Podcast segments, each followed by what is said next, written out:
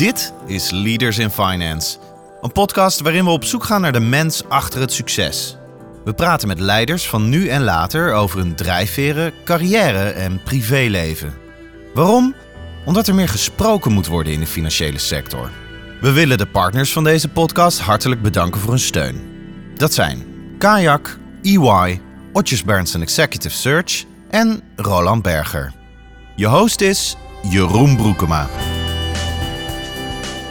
Welkom bij een extra aflevering van Leaders in Finance. Dit keer over beleggen en dan heel specifiek over succesvol beleggen als particulier. Mijn gast is, en er komt nu een opsomming, 1. Succesvol belegger. De afgelopen 12 jaar had hij 13,3% rendement met zijn beleggingen. En wat ik zou zeggen een echte value belegger is. 2. Hij is succesvol student. Hij ronde vier masters af, waaronder een cum laude master in International Finance. Ligt alweer een tijd achter ons, maar moet toch gezegd worden. Nummer 3. Hij is enthousiast lezer. Hij las meer dan 500 boeken over beleggen. En als vierde, hij is een succesvol schrijver. Zijn boek Aandelen selecteren als pro kent alweer een derde druk en was managementboek bestseller. Tot slot, mijn gast ernaast, en zo ken ik hem eigenlijk, succesvol podcastmaker met zijn podcast Beleggen met. En dan volgt zijn naam, die nu ook volgt, namelijk de gast vandaag is Rowan Nijboer. Welkom Rowan. Dankjewel Jeroen, een eer om hier te zijn. Ja, leuk om met jou uh, van gedachten te wisselen, ook over jou en over beleggen. En misschien als, als eerste vraag, beleggen, dat is wel zo'n belangrijk woord in jouw leven. Wat is er nou zo leuk aan beleggen? Ja, toen ik jong ben, was, op mijn vijftiende, toen vond ik beleggen mooi omdat het, uh, dat je daar geld mee kon verdienen. Dat je op je, ik, mijn vader zette mij op een stoel neer en dat dan teletext pagina 520, de beurskoersen van de grootste Nederlandse bedrijven uit de AX-index, Heineken, Shell, ING. En dat die koersen dan op en neer gingen en dat je daar dan geld mee kon verdienen terwijl je op je stoel zat. Dat concept vond ik fascinerend. Begreep er natuurlijk nog, uh, nog geen zak van. Maar ja, nu is het meer een intellectuele puzzel. Nu draait het niet meer om het geld. Nu je wat ouder bent, dan leer je ook dat daar belangrijkere dingen zijn. En dat geld maar bijzaken is in het leven. En het is, uh, ik zeg het wel eens, ja, als, je, als je goed bent in zeilen, alleen, de echte wereldtop verdient er geld mee. Maar als je een beetje oké bent in zeilen, kost het nog steeds heel veel geld. En beleggen is toevallig een hobby die geld oplevert. En dat is een mooie bijzaak. Maar ik vind vooral die intellectuele puzzel. Ik ben dan een waardebelegger. Ik probeer de beste aandelen uit te zoeken. Ja, want daar komt zoveel bij kijken. Aan de ene kant is het heel wiskundig, cijfermatig, de jaarverslagen doorspitten. Aan de andere kant is het ook heel psychologisch, want de grootste vijand, dat ben je zelf. En die combinatie, ja, dat vind ik echt fascinerend. En uiteindelijk zeg je, is de eerste trigger geweest om er geïnteresseerd in te raken je vader? Ja, ja die, zit, uh, ja, die had ook uh, op het eind nog zijn aandelen alleen in SNS Reaal. Nou, we weten allemaal hoe dat afgelopen is. Failliet gegaan en ik leerde al vrij snel dat je moet spreiden op die manier. En uh, ja, maar mijn vader die uh, interesseerde me daarvoor. En daar heb ik heel veel geluk mee gehad. Want ja, ik denk, uh, de gemiddelde luisteraar van je podcast... die heeft een papa en mama die mensen leren hoe ze moeten beleggen... of met geld om moeten gaan. Zeg maar de top 10% van Nederland, misschien de top 1% van Nederland. Maar een groot deel van de bevolking leert dat niet van papa en mama. En daardoor ja, heb ik onder meer dat boek geschreven... en de podcast begonnen zo, om het toegankelijk te maken voor het hele, hele volk eigenlijk. Want Nederlanders beleggen gewoon veel te weinig. Ja, daar wil ik straks zeker nog even op terugkomen. En nog even jouw eigen achtergrond. Je bent dus ook financiële studies gaan doen om jezelf nou ja, te bekwamen in dit onderwerp. Tenminste, als ik jouw boek begrijp, goed gelezen heb, dan was dat niet per se alleen maar een les waar je het mee eens was. En welke les bedoel je dan waar ik het nou, mee ja, ik, ik las in je boek dat je financiële studies ging doen omdat je geïnteresseerd was in beleggen. Maar dat je heel veel dingen hoorde waarvan je dacht, klopt dat nou eigenlijk wel? Ja, en een voorbeeld misschien doe je daarna op het boek is bijvoorbeeld wat... Uh, wat we op de finance opleidingen allemaal leren is de efficiënte markttheorie. Dat je als belegger de markt niet kunt verslaan. En ja, waarom kopen mensen dan individuele aandelen, zou je kunnen zeggen. Want je kan daar geen voordeel mee eh, verdienen. Dat is een hele elegante theorie en daar, daar word je mee doodgegooid op de universiteit. Maar een praktische beleggingsleer, zoals eh, Warren Buffett die over een periode van 60 jaar de index toch heeft verslagen. Hoe, kunnen, hoe kan het dan dat een groep mensen die op een bepaalde manier belegt, volgens de waardebeleggersprincipes, dan toch zo'n markt verslaat op de lange termijn? Iets wat volgens de theorie niet zou kunnen. Dat is een anomalie. En uh, ja, dat zou dan een geluksfactor moeten zijn. Maar over zo'n lange periode geloof ik niet dat die geluksfactor daar nog in zit. Ondanks dat het wel moeilijk is. Het is wel een moeilijk spel. Ja, dat geloof ik zeker. Warren Buffett is wel een beetje jouw held, of niet? Ja, ja dat, uh, daar kijken we vorig jaar ook bij de aandeelhoudersvergadering geweest in Omaha. En, oh, je bent er echt naartoe gegaan? Ja, ja, ja, ja, ja. ja dat voelt als, als, als thuiskomen. Alsof je een bepaalde naar een bepaalde rockband gaat, wat helemaal niemand in je omgeving leuk vindt. Want waardebeleggen is toch voor veel mensen wat een beetje gezien als saai soms en niet zo spannend. Um, omdat het, ja, het principe is dat je natuurlijk iets koopt wat minder wat meer waard is dan dat je ervoor betaalt. Maar het is ook een basis van de meeste mensen willen gewoon heel snel rijk worden. En daarom gaat het mis. Warren Buffett, de, de manier van beleggen is eigenlijk heel erg simpel. Maar niemand kopieert het omdat iedereen snel rijk wil worden. Niemand wil langzaam rijk worden. En, uh, ja, dat is wat je met waardebeleggen wel doet. En daar begrijpt in één keer iedereen dat. En het voelt net of je het, uh, de muziek met z'n allen kan, kunt meezingen bij dat uh, concert in dat stadion. Want het zijn dus echt 40.000 aandeelhouders uit de wereld die daarheen gaan. Bijna religieus of niet? Ja, het is wel ja, een soort mekka is het waar we met z'n allen heen gaan. Ja, ja. Dan het uh, kapitalistische uh. Wat ik heel interessant vind is wat jij zegt uh, net. Hè? Aan de ene kant de intellectuele uitdagingen en aan de andere kant die psychologische kant. Kun je nou zeggen dat de een of de ander veel moeilijker is? Ja, de psychologische kant. Ja, de psychologische kant is moeilijk voor veel mensen. Want je hebt natuurlijk de typische accountants bijvoorbeeld, de cijferliefhebbers. Ja, die zijn vaak heel slecht in het andere deel. Net als in het bijvoorbeeld het uitdenken van de toekomst en waar gaan we naartoe? Hoe werkt het brein van de massa? Die zijn heel goed in een jaarverslag checken. En uiteindelijk gaat dat uiteindelijk per definitie alles uit het verleden. Cijfers zijn altijd iets uit het verleden. En die combinatie, die zul je moeten, als een goede belegger moet je die managen. Want ik ontdek heel erg veel in trainingen dat mensen een bepaalde voorkeur hebben, dan wel voor de cijfers, dan wel voor het verhaal. En ja, als je een voorkeur hebt voor cijfers, dan zul je meer aan dat verhaal moeten werken. En de mensen die alleen maar van het verhaal houden, ja, die zullen ook echt wel naar de cijfers moeten kijken. Want uiteindelijk is dat natuurlijk ook wel wat telt als uh, belegger. Ja, want kan je nog een paar voorbeelden geven van die psychologische kant, wat je daar dan eigenlijk echt mee bedoelt, concreet? Ja, bijvoorbeeld het concept uh, wat Kahneman in het boek Ons Veilbare Denken omschrijft, is uh, verliesaversie. Dat verlies veel meer pijn doet dan winst aan genot oplevert. En hoe leidt het zich dat in beleggen? Dat bijvoorbeeld bij beleggen mensen na een ritje met een aandeel van 20, 30 procent verkopen, het geld in de zak steken. Dat voelt fijn. Maar als je portefeuille ziet van particulieren, dan zitten daar vaak alleen maar grote verliezers in. Die worden niet verkocht omdat mensen dat verlies niet durven nemen. Of sterker nog, wat je soms in het casino ook ziet, als er dan mensen op verlies staan, is dat je extra risico gaat nemen om weer break-even te komen. Het is gewoon moeilijk om dat verlies echt te realiseren en te incasseren. Dat is, uh, dat is verliesaversie. En ook dat gewoon een ander fenomeen is dat mensen hun eigen rendement veel hoger inschatten dan dat het daadwerkelijk is. En uh, dus mensen willen die verliezers die ze in het verleden hebben gemaakt, ja, die worden op een of andere manier uit het geheugen gewist. En dat is denk ik heel vaak goed. Dat is waarom uh, vrouwen misschien een tweede kind nemen. Omdat de pijn van de zwangerschap en de ellende, dat wordt vergeten. En dat is een heel goed concept. Dat helpt ons als mensen overleven. Uh, maar op de beurs is dat soms niet, ja, het is gewoon irrationeel gedrag eigenlijk. Mooi dat mensen altijd denken dat ze beter zijn dan het gemiddelde. Net zoals dat jij mensen vraagt, rij je beter in het verkeer dan de anderen? En 80 of 90 procent zegt ja, ik rij beter dan de rest, wat per definitie uh, onmogelijk is. Um, aan de intellectuele kant ook nog een verdiepingsvraag. Wat zoek jij dan allemaal uit? Kijk, ik zou als eerste denken aan het jaarverslag en aan alle stukken die ik uh, kan vinden die met dat jaarverslag uh, van doen hebben. Is dat het primair of heb jij veel meer bronnen? Het jaarverslag is natuurlijk een deel, maar daar staat ook veel, is, is gewoon kunstmatig opgeschreven door eventueel een marketingbureau. Dus heel veel haal je daar ook niet uit. Wat je wel uithaalt is de jaarrekening, wat heel erg belangrijk is. En ook bijvoorbeeld de, letter van de CEO. Nou, je ontdekt vrij snel of diegene hem zelf geschreven heeft of niet. Je wil weten, als, want jij hebt natuurlijk 100, 120 uh, CEO's en CFO's gesproken in de financiële wereld. En dus in jouw boek ga ik dan ook kijken als ik geïnteresseerd ben in de CEO van het desbetreffende beursgenoteerde bedrijf. Of dat, ja, of dat een eerlijke iemand is, of iemands belezen is bijvoorbeeld. Of ik uh, de podcast interview met die CEO. Ja, wat, voor karakter? Want ja, je kunt uh, in, in de financiële of in de wereld van de CEO's zeg ik wel eens dan 10% is echt top wat je als belegger wil zien. 80% is het grote middenveld en 10% dat is eigenlijk, ja, daar moet je, daar moet je bij oppassen. Dat zijn on, onintegere mensen.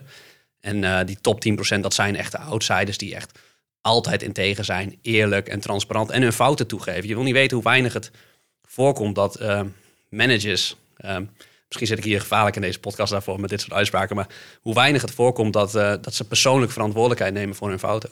Ja, ja. En wat ik zo interessant vind, hè, je kan altijd meer informatie vinden over een bedrijf, over, dus indirect over dat aandeel.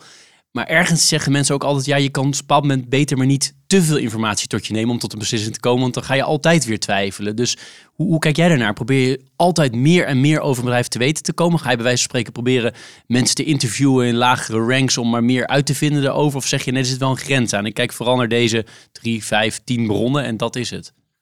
Ja, uiteindelijk ehm, is kan een goede belegger hoofd van bijzaken scheiden. Dus je begint eigenlijk heel erg breed en dan met een bepaalde strategie, een paar hoofdpunten, die zijn dan mega belangrijk. En dan komt er heel veel andere zaken, zoals ja, hoe zit het met de pensioenpotten van de werknemers, moet daar nog wel eens bijgestort worden. Nou, dat is een heel klein dingetje, maar je wil het wel even uitzoeken. En dat, ehm, ja, daarvoor heb ik gebruikt bijvoorbeeld een checklist met 130 checks om even kijken of ik alles gecheckt heb. En als ik mijn huiswerk goed gedaan heb, dan kan ik dat, die checklist in een kwartier eigenlijk afvinken. En dan ga je uiteindelijk weer de drie hoofdpunten vinden. Hoofdargument van waarom ga ik dit eh, bedrijf kopen. Ja, want jouw uh, perspectief is, ik heb een aantal van je podcasts geluisterd, ik heb het boek uh, gelezen, is dat je echt maar in heel weinig bedrijven zit. Hè? Contrair ten opzichte van wat jij eerder vertelde, hè, dat je altijd geleerd wordt om te spreiden. Jij bent echt een anti-spreider. Ja, nou ja ik, ja, ik heb op dit moment tien bedrijven in portefeuille. En ja, ik vind dat voor mij voldoende spreiding. Want het voelt voor mij gewoon beter dat ik beter die 10 bedrijven echt extreem goed in de gaten hou. Dan 20 bedrijven waar ik per definitie met mijn beperkte tijd in de week uh, dus maar de helft van de aandacht kan geven. dus daar duik je heel diep in. En wat ik dan zo interessant vind is, er kan natuurlijk ieder bedrijf kan iets overkomen wat zo'n extreme shock is. Een beetje de zwarte zwaan idee, waardoor één, één van jouw aandelen gewoon eruit gewiped wordt dan heb je toch per definitie een heel zwaar verlies als je maar tien, uh, tien aandelen hebt, tien bedrijven hebt. Ja, nou de, de, de wetenschap, je kan natuurlijk meten hoe groot je risicovariatie daarin is. Maar um, voor mij valt dat, valt dat wel mee. Als er eentje failliet zou gaan, dan uh, is dat een ontzettende klap. En mijn portefeuille gaat dan ook veel meer, is veel volatieler dan eentje met meer aandelen. Maar aan de andere kant, ondernemers die hebben soms al hun geld in één bedrijf. En ja, dat, dat is natuurlijk per definitie nog veel risico. Ik heb het in, in tien bedrijven, bovendien vrijwel allemaal volwassen en winstgevende bedrijven. Dus dat daar, ja, het kan gebeuren dat er in één keer grootschalige fraude wordt ontdekt en dat één failliet is morgen. Ja, maar dat is uh, part of the deal. En blijf je dan zitten als zoiets zou gebeuren? Heb je daar een scenario voor klaarleggen? Als je, stel je had in de Wirecard gezeten en de eerste berichten over potentiële fraude daar kwamen naar boven, zou je dan gaan verkopen? Of ben je dan iemand die, nee, ik blijf stick to my plan en ik blijf gewoon zitten, desnoods wordt het nul? Nou, Beetje gewetensvraag. Ja, ik, ik, ben van nature iemand die, die moeilijk beslissingen neemt. Nou, dat helpt mij deels met beleggen, omdat je dan heel goed na gaat denken over beslissingen. Maar soms in zo'n crisissituatie is dat natuurlijk een nadeel. Bij, als er een keer fraude wordt ontdekt, dan ja, word ik ook verlamd van angst. En uh, ja, dan zal, ga ik, daarom noteer ik als ik een aandeel koop de hoofdargumenten. Bijvoorbeeld dat daarbij staat, ja, goed management. En als dat dus niet meer opgaat, ja, dat is dan wel een dikke rode vlag. En dan zou ik wel in één keer moeten verkopen. Nou, was Wirecard natuurlijk een hele extreme situatie, maar uh, ja, het kan voorkomen. Heb je wel eens gedacht dat je een jaarverslag zat te lezen en meer informatie begon te krijgen en dat je dacht, hé, hey, dit is een bedrijf, er zou wel eens iets aan de hand kunnen zijn? Het is heel moeilijk om echt fraude aan te tonen, want vaak lukt het de accountant zelf zelfs niet, omdat die boekhouding dan uh, achter de schutting uh, gebeurt. Dus dat is moeilijk, maar wat je wel krijgt zijn indicaties van eerlijkheid. Dus als een CEO drie jaar lang het, weer, het slechte weer de schuld geeft. Wat bij Beter Bed bijvoorbeeld gebeurde. Van de slechte verkopen. Ja, dat, dat trek ik wel één jaar. Maar dat trek ik niet drie jaar op rij. Dan weet je dat er iets aan de hand is. En ja, dat, als je de brieven van Warren Buffett leest, die begint eigenlijk altijd, ondanks dat hij het fantastisch doet, met de fouten die hij gemaakt heeft. En dat laat hij ook echt daadwerkelijk zien hoeveel dat beleggers bijvoorbeeld gekost heeft. Ja, dat van nature dan gaat het bij mij aan als iemand zijn fouten gewoon toegeeft. Ja, dan, dan vertrouw je iemand meer. Je bent er succesvol mee, hè? Ik bedoel, ik las het in de introductie uh, voor al 12 jaar lang 10% plus uh, rendement. Dat is meer dan uh, de, de index heb je daarmee verslagen. Daar ben je best trots op, denk ik, of niet? Ja, nou, ik, ik begin net, dus ik, ik probeer beter te worden. Ik heb ook de wind heel erg meegehad in die jaren. De beurzen waren gewoon heel goed, met uitzondering van 2022. Um, dus we gaan zien wat de komende twaalf jaar brengt. Het, uh, ik weet niet of ik dan de indexfondsen niet verslaag. Ik heb natuurlijk alle statistieken tegen me. De wetenschappelijke onderzoeken dat 80% van de beleggers een indexfonds uh, niet verslaat. Maar ik weet niet of ik dan ga index beleggen. Want ik vind het bestuderen van bedrijven ook gewoon zo mooi dat je zelf kan kiezen. En uh, ja, het, prikkelt me mentaal zo om die bedrijven te bestuderen. En je, je, leert er heel erg van en dat houdt je jong en dergelijke. En um, ja, dus we gaan, we gaan zien of dat in de toekomst gaat lukken. Want je belegt alleen met je eigen geld of beleg jij, uh, heb je ook het plan om ooit een keer voor andere mensen te gaan beleggen? Ja, dat vragen heel veel mensen aan me, maar dat, ja, dat plan heb ik eigenlijk niet. Ik vind, ik vind het nu wel lekker. Ik weet hoe, hoe de druk van externe beleggers kan voelen in de vermogensbeheerwereld. En ook dat um, beleggers hun geld wegtrekken, juist op de verkeerde momenten, dat je daarin zo zit. En uh, ja, dat, dus dat heb ik, uh, ben ik zeker voorlopig nog niet van plan. Sluit je voor jezelf bedrijven uit omdat je zegt, nou ja, dit uh, zie ik gewoon niet zitten, omdat dit, weet ik veel, te veel bijdraagt aan klimaatverandering bijvoorbeeld? Nou, dat niet. Ik vind het een beetje hypocriet om bijvoorbeeld niet in Shell te gaan beleggen. Om, terwijl ik zelf een auto rij of ja, iedereen gebruikt olie, olie of gas en dergelijke. Ik doe alleen, ik heb een ja, soort soft iets van geen tabak, wapens en gokaandelen. Dat is voor omdat ik voel dat dat niet bijdraagt aan een betere wereld en ik daar niet aan wil verdienen. En ik geloof wel heel erg dat duurzaamheid, um, vind ik wel heel erg belangrijk. Daar wordt ook steeds meer over gerapporteerd in jaarverslagen natuurlijk. En ja, bij sommige bedrijven zit het gewoon van nature al in. Deels omdat het ook gewoon logisch is om kosten te besparen. Op dat soort manieren. En dan, ja, dan werkt het via beide kanten. En je verdient er geld mee en het leidt tot een betere wereld. En landen, je, wat jou betreft, maakt het niet uit waar je zit? Of zit je toch vooral op het Europese, Amerikaanse continent? Nou, ik heb één aandeel in eh, China. Daar hoor ik ook wel eens wat over dat dat dan ja, dubieus is. Uh, Proces, nou ja, Tencent uh, via die route. En ja, ik, ik heb een jaar in Shanghai gewoond. Ja, wat, wat daar is gebeurd qua economisch wonder. En um, er is geen goed systeem volgens mij. En er gebeuren heel veel schandalige dingen. Maar wat ze daar hebben gedaan voor de meerderheid van de mensen. Echt het ontlopen van extreme armoede, honderden miljoenen mensen. Ja, dan vind ik dat op de eerste plaats een economisch wonder. Maar ook voor de mensheid is dat echt een zegen. Ja, dat even aan. Deze podcast heb ik uh, meer dan 120 uh, CEO's, hoogleraren, ministers en dergelijke geïnterviewd. Heel vaak hebben we het over het onderwerp stakeholder-model versus aandeelhoudersmodel. Een beetje de, het afzetten van het Anglo-Saxische model versus het Rijnlandse model. Hoe kijk jij daar nou naar? Is het nou belangrijk dat bedrijven bezig zijn met al die stakeholders als belegger? Of zeg je nee, ik vind het toch echt wel heel voor de hand liggend, maar ik vind die, die aandeelhouder toch wel boven al die andere stakeholders staan? Ja, in de jaren tachtig ontstond dat uh, model, dat aandeelhoudersmaximalisatiemodel, wat je uiteraard kent. En ja, in in theorie is het natuurlijk heel erg interessant, want als je je aandeelhouders goed behandelt, dan zul je ook wel je personeel, je klanten, de omgeving moet, goed moeten behandelen, want anders gaat dat ten koste. Ja, in de basis klopt die theorie, maar ik vind het korte termijn gerichte daarin, van met name Amerikaanse aandeelhouders en ja, dus ook de CEO's van Amerikaanse bedrijven, het korte termijn gericht. Um, een, uh, zus van mijn ex die werkte bij IBM en dat dan op opleiding gekort werd omdat de winst per aandeel gehaald moet worden. Ja, dat is natuurlijk dodelijk. En ik geloof dat een bedrijf juist extra goed moet zijn voor zijn personeel, zeker in deze tijden, en voor het milieu. En dat dat leidt tot ook uiteindelijk aandeelhouderswaarde. Is wel echt een Europese, Europese kijk heb je op de zaak wat dat betreft. Ja. Vasteland Europees. Ja, ja, ja, ja. Kijk je naar beleggen, je haalt het al een beetje aan naar beleggen in de Nederlandse samenleving. Je, je, hebt, je volgt het nu zo'n, eh, wat is het, 20, 25 jaar denk ik. Ik weet hoe oud ben je eigenlijk? 35. 35, dus nou je begon op je tiende geloof ik, zoiets. In die, uh, in die ergens in die, uh, rond die leeftijd. Hoe, hoe heb je dat nou zien verschuiven? Zijn de, voor, voor mijn gevoel in ieder geval, zijn er veel meer mensen gaan beleggen in Nederland? Ja, wat dat betreft was corona een zegen, omdat zoveel mensen zijn gaan beleggen. Nou was dat wel een beetje ook ja, door het lage renteklimaat en ook wel een beetje uit verveling. Ik weet niet of dat de, de juiste redenen zijn om te gaan beleggen. Uh, inmiddels beleggen twee van de 8 miljoen huishoudens in Nederland. Dat is een kwart. Nou, in Amerika is het uh, eh, 58 procent. Nou, misschien kan het niet heel veel meer. Dat is, dat is eigenlijk iedereen waarschijnlijk die geld heeft in Amerika. En ja, in Nederland kan dat, kan dat nog een stuk meer. Ik las een staatje van de CBS en hoeveel dan... Um, geschonken wordt aan kinderen als mensen komen te overlijden uit erven. Welk, waar, welke bron komt dat vandaan? En hoe weinig dat dan uit, uit aandelen bijvoorbeeld is. Ja, dan denk ik volgens mij kan dat nog veel meer. En uh, ja, zoals Noorwegen, wat Noorwegen gedaan heeft met alle olieopbrengst, is natuurlijk dat, uh, dat beleggen. En in Nederland uh, is, is dat nu inmiddels weg. Dat heeft natuurlijk ook mooie dingen gedaan. Maar dat zijn, dat zijn keuzes geweest. Ik denk als je belegt en dat een beetje verstandig doet, moet natuurlijk allemaal in balans zijn.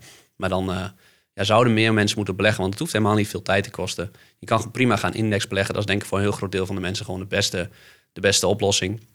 En als je het uh, heel erg leuk vindt om uh, bedrijven te bestuderen, en dat is ja, ook een beetje waar ik mijn boek voor heb geschreven. Heel veel mensen zijn toch eigenwijs, willen zelf toch keuzes kunnen maken. Zeker ondernemers die uh, ja, willen daarin keuzes maken. En dat, ja, dat, daarom is mijn boek van als je toch zelf aandelen gaat selecteren. Want de meeste mensen doen het een beetje op gevoel van op een feestje een leuk verhaal gehoord of dat ze fan zijn van een product. Maar doe het dan op zijn minst een beetje systematisch, volgens de principes van Warren Buffett. Dan zul je het waarschijnlijk wel goed doen. In ieder geval niet al je geld ermee verliezen. Want dat is natuurlijk een ramp. En, want iedereen, daarom stoppen mensen met beleggen. Omdat ze van een oom een na verhaal hebben gehoord. Ja, oh ja, beleggen is heel gevaarlijk, heel risicovol. Ja, dat klopt op de korte termijn wel. En dat klopt ook als je hele domme dingen doet. Maar als je gewoon een beetje, als je gaat index beleggen, ja, op de lange termijn, wat, wat kan er nou gebeuren? Ja, want jij vindt eigenlijk dat iedereen die in ieder geval iets over heeft, zou moeten beleggen, toch? Ja, ja. Waarom? Omdat, ja, het hoeft natuurlijk niet, dat maar iedereen moet natuurlijk zelf weten, maar omdat het, het kost geen moeite om het te doen. En het geeft je wel optionaliteit later. En je wordt er niet rijk mee op de korte termijn, maar als je, neem aan dat jouw gemiddelde luisteraar is niet, uh, is niet 20 jaar, denk ik, of 30 jaar, dat zal, uh, zal misschien heel iets ouder zijn, alhoewel ze natuurlijk allemaal jong van geest zijn. En, ehm, maar ja, op zo'n periode van 20, 30 jaar, wat compounding kan doen met je geld en wat voor keuzes je dan hebt. En dan, ja, ik krijg zoveel mensen van 50 die bij trainingen van me komen, die zeggen, ja, oh, was, ik maar, was ik maar eerder begonnen. Ik heb het laatst eens uitgerekend wat ik ben misgelopen als ik gewoon in een indexfonds had gestopt. En ja, daarom wil je denk ik uh, vroeg beginnen. Ja, want dat compounding uh, element, hè, dat, uh, ik noem het maar even rente over rente of, of in ieder geval rendement over rendement, dat is cruciaal in alles wat jij schrijft en alles wat ik van je gehoord heb, dat komt constant weer terug. Hè? Maar Waarom komt het nou dat dat toch altijd moeilijk te bevatten is voor iedereen? Ja, omdat je het niet ziet. Als je er middenin zit, wat je overdondert. Compounding hebben we natuurlijk geleerd met corona... dat die besmettingscijfers zo toenamen. Als je elke dag een verdubbeling hebt... ja, dan uh, is een, binnen, binnen no time heel Nederland natuurlijk besmet. Dat gaat, dat gaat zo snel. We kunnen, we kunnen dat niet bevatten in ons hoofd. We kunnen dat niet uitrekenen. En dat kan eigenlijk alleen maar op rekenmachines. Dit is Leaders in Finance met Jeroen Broekema.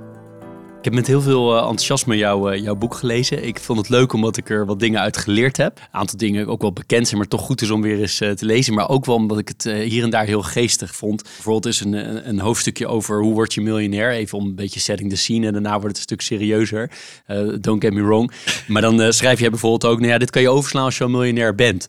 Dat, dat vond ik heel leuk. En op een bepaald moment zeg je van, ja, eigenlijk, even mijn woord hoor, maar geld is eigenlijk helemaal niet zo belangrijk in het leven. Maar ehm, uh, uiteindelijk, ja, dit hele boek gaat er wel over.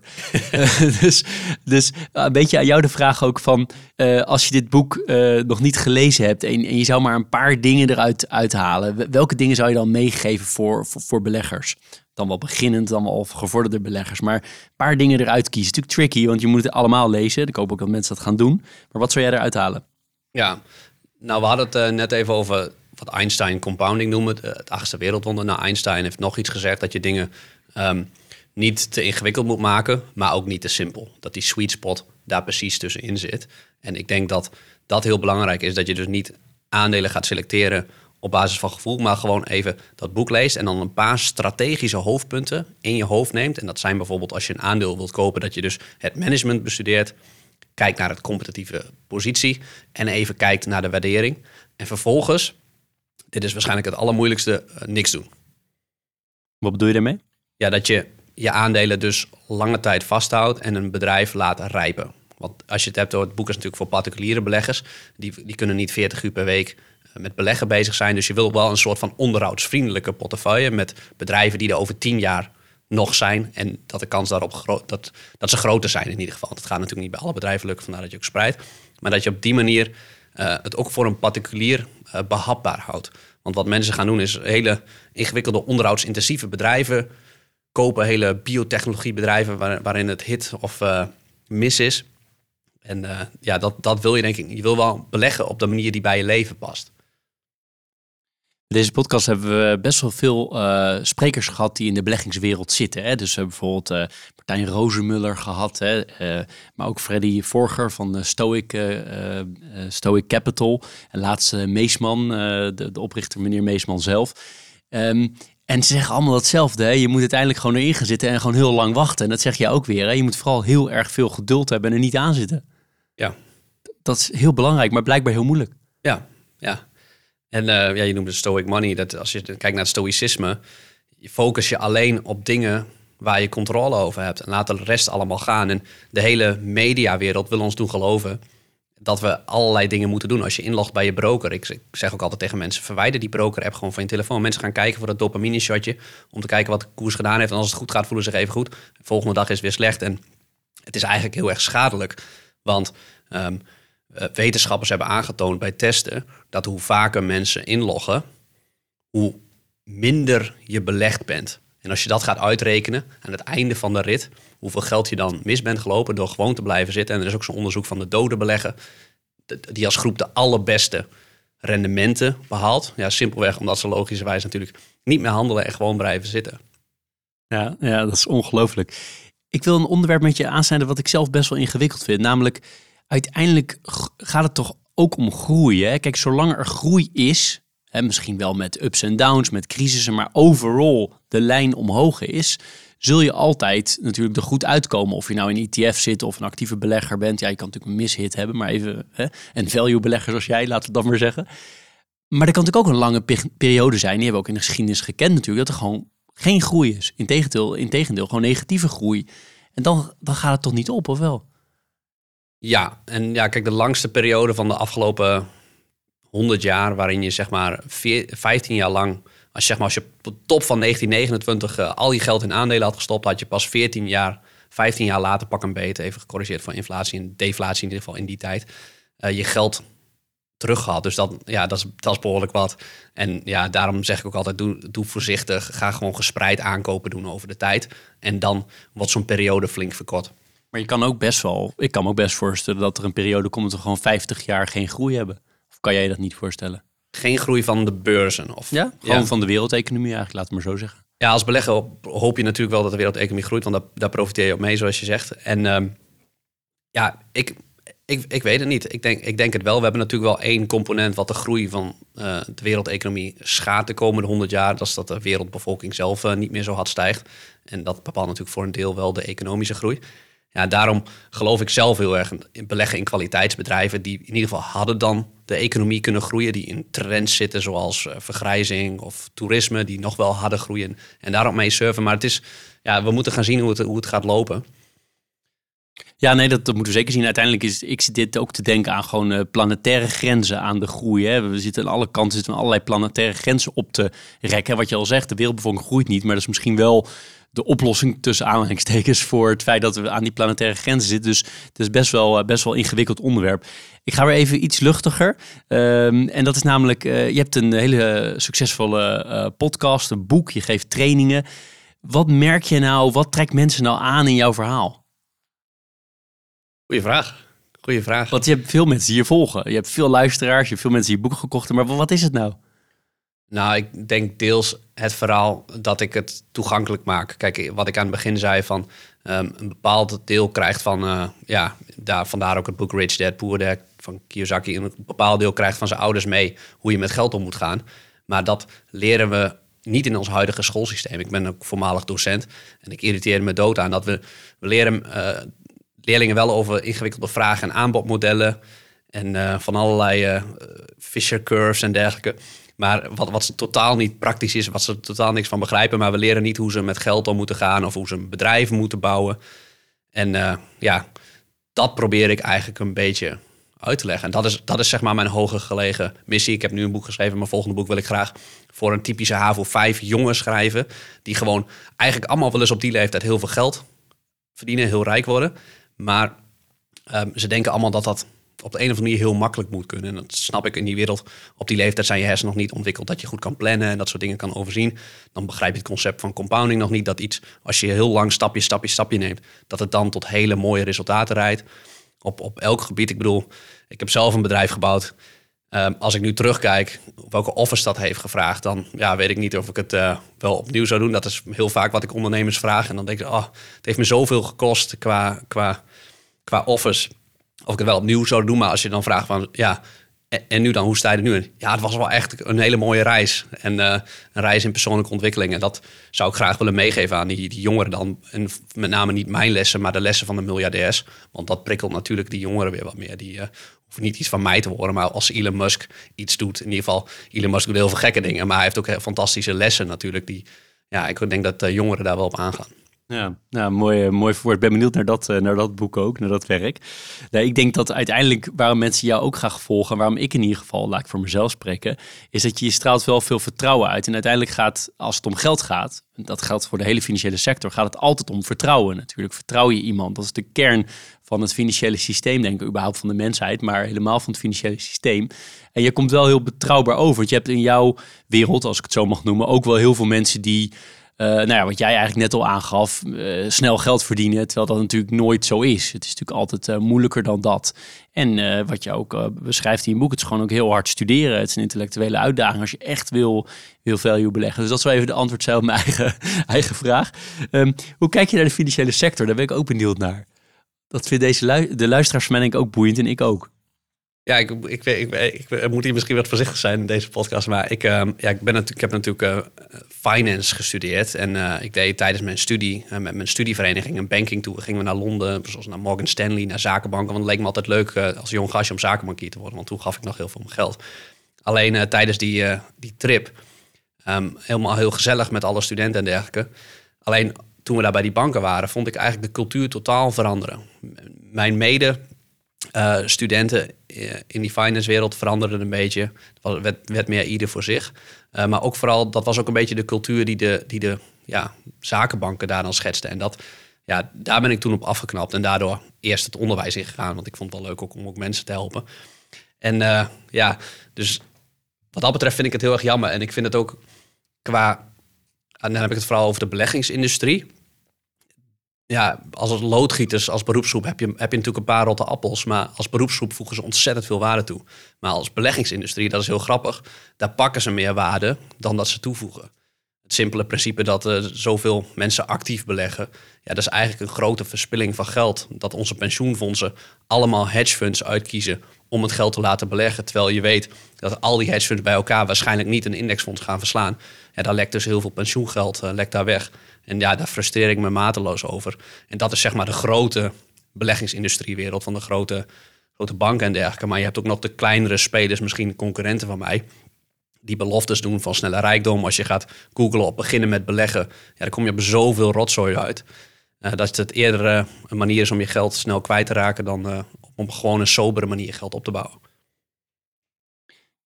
in de podcast bij mij is best wel vaak aan bod gekomen dat mensen, ook mensen die CEO zijn van een grote financiële instelling, zeggen dat de financiële sector gewoon veel te groot is. Ten opzichte wat dan sommige mensen de reële economie noemen, anderen zeggen nee, het is gewoon onderdeel van die economie.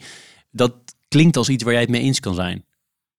Ja, dat is afhankelijk van hoe, hoe meet je grootte dan. En uh, het, is, het is natuurlijk wat kleiner geworden na de financiële crisis en dergelijke.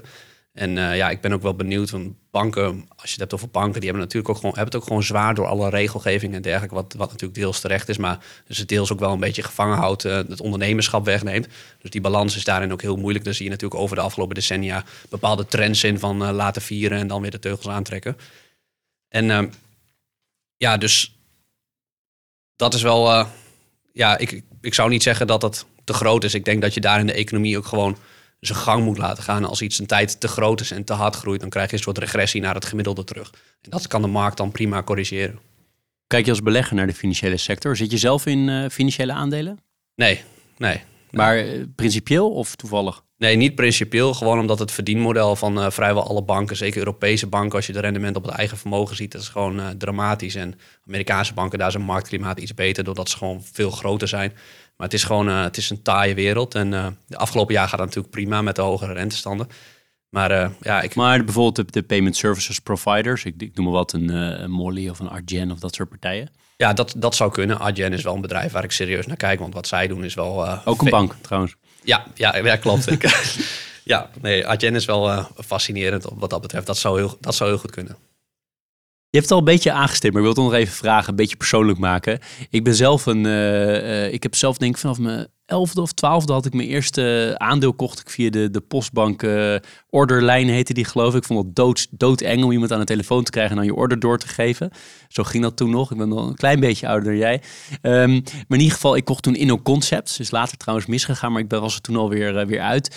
Maar nu zit ik echt alleen maar op het, de ETF's. Nagenoeg alleen maar, moet ik, uh, moet ik zeggen. Jij zegt eigenlijk eerder in het gesprek, dat is prima. voor als je eigenlijk geen tijd hebt, slash zin of de motivatie hebt om echt heel erg diep te gaan. Correct? Ja. En, uh, en ook wat je doel is. Als je de markt wil verslaan en je hebt maar een uurtje in de week om te beleggen, ja, dan, dan, is, het, dan is dat kansloos. Dus als je tegen Rico, bij Rico Verhoeven in de ring stapt en uh, dan, dan weet je ongetraind dat je klappen krijgt. Nou, iedereen verwacht wel op de beurs in één keer met een uurtje per week in één keer uh, beter dan gemiddeld te kunnen doen. Ik denk dat dat, uh, dat, dat is vrij kansloos. Is dat de beste strategie, ETF's? Of zeg je, je kan beter um, gewoon zelf losse aandelen kopen, random op alle beurzen in drie of vier plekken op de aarde? Nou, als je beleggen niet leuk vindt, is ETF's uh, the way to go. Want het kost gewoon geen tijd en is onderhoudsvriendelijk en perfect tegen lage kosten.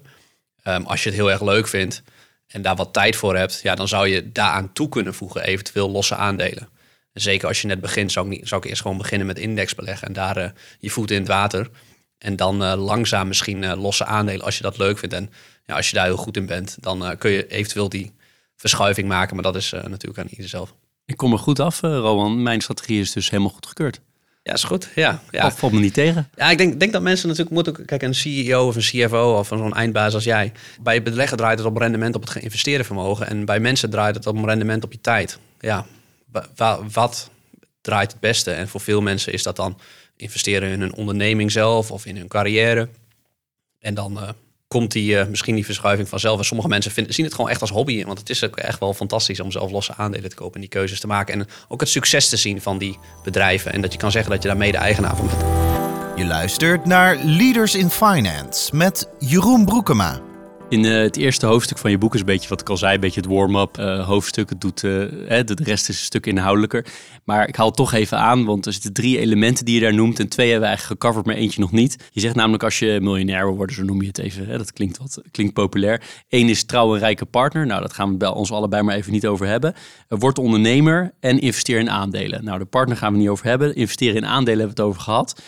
Word ondernemer. Je bent zelf ondernemer. Hoe bevalt dat? Ja, eerst vond ik het uh, hartstikke kloten. Um, want je loopt tegen allerlei dingen aan. Want ik, ik beleg in bedrijven, in ondernemingen.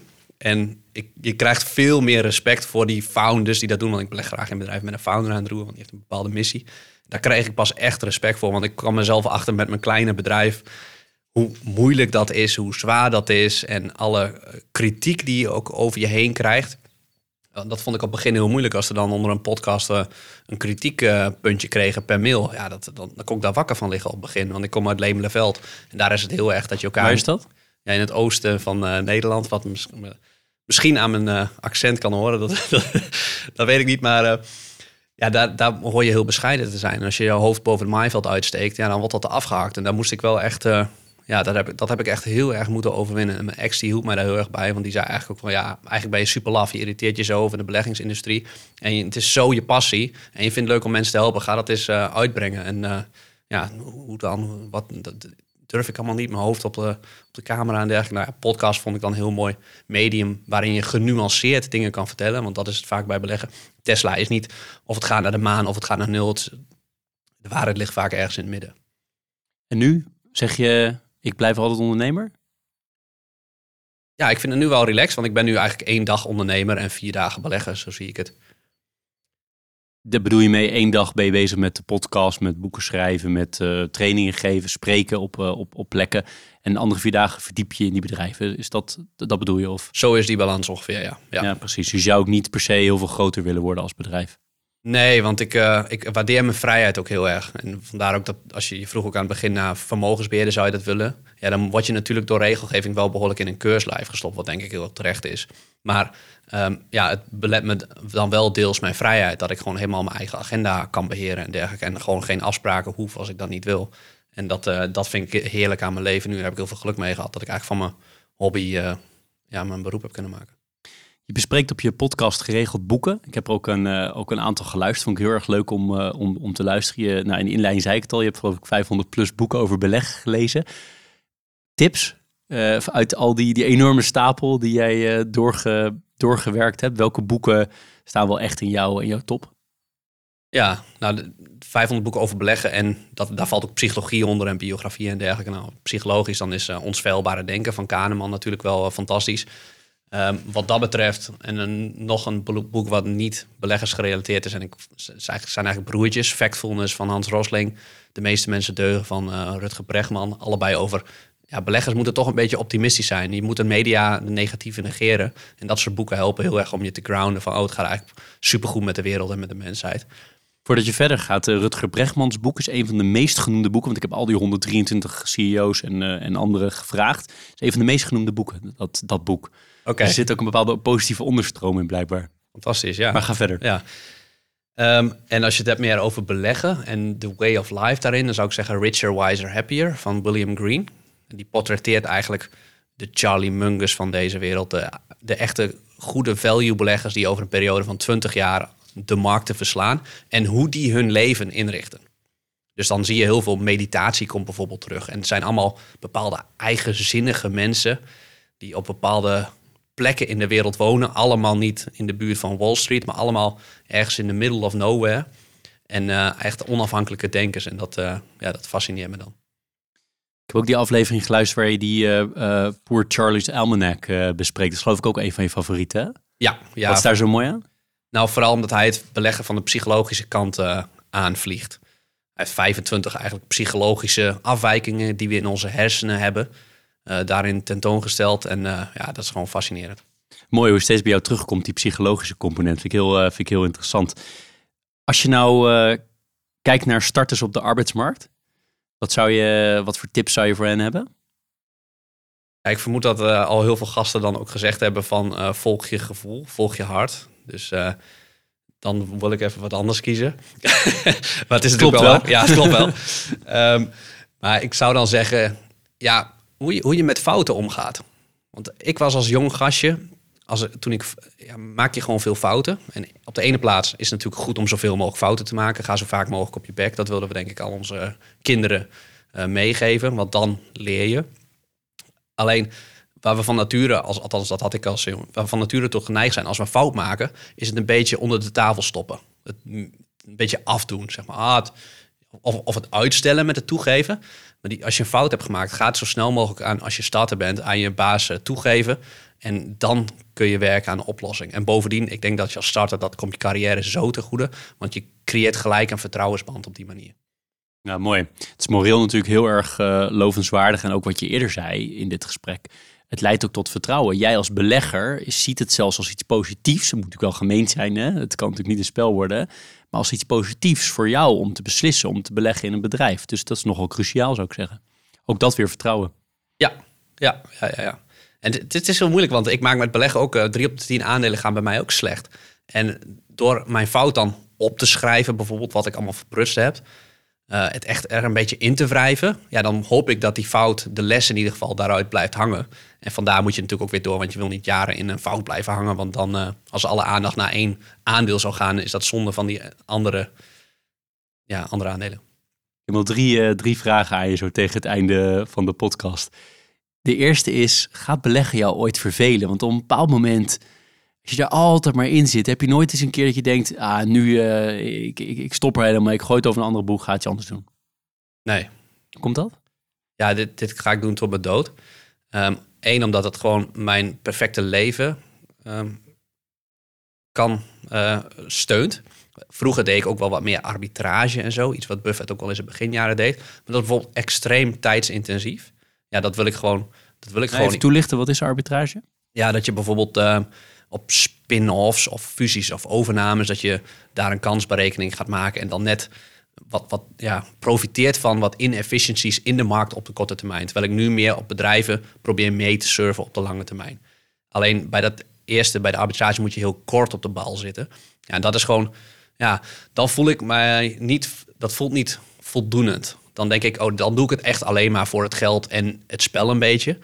En nu kan ik met mijn, met mijn boek en dergelijke, en uh, kan ik ook nog anderen inspireren. Dat, uh, die combi vind ik leuk.